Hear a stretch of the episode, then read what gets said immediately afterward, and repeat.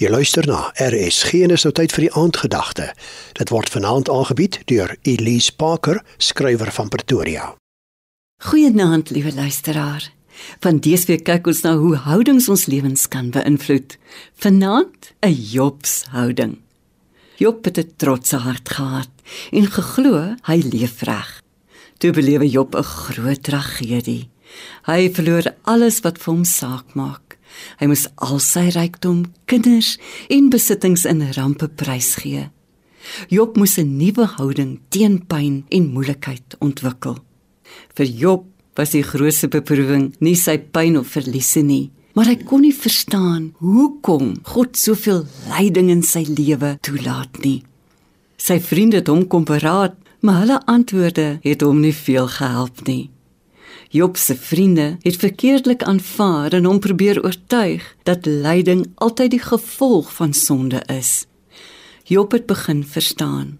God bring nie pyn en lyding as straf in ons lewe nie.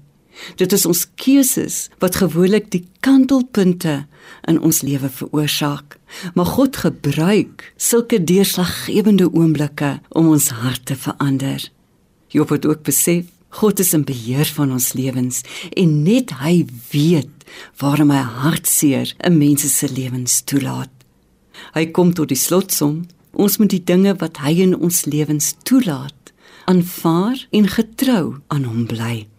Job leer dat al het hy niks anders gehad nie, het hy steeds vir God gehad. Wanneer ons soos Job die Vader se wil vir ons lewe aanvaar en nie ons eie spyt en verwyte vertroetel nie, kom ons houdings reg. Job het so 'n nuwe berouvolle houding teenoor God na sy swaar kry geopenbaar. Hy was weer geduldig en hoopvol en het na ander uitgereik. God het ook aan hom te kenne gegee dat dit beter is om God te ken as om al die antwoorde te ken. En dit maak vir 'n Jobshouding, een waar ons op die Here vertrou, of ons nou al die vrae en al antwoorde ken of nie. Dit was dan die aandgedagte hier op RSG, aangebied deur Elise Parker, skrywer van Pretoria.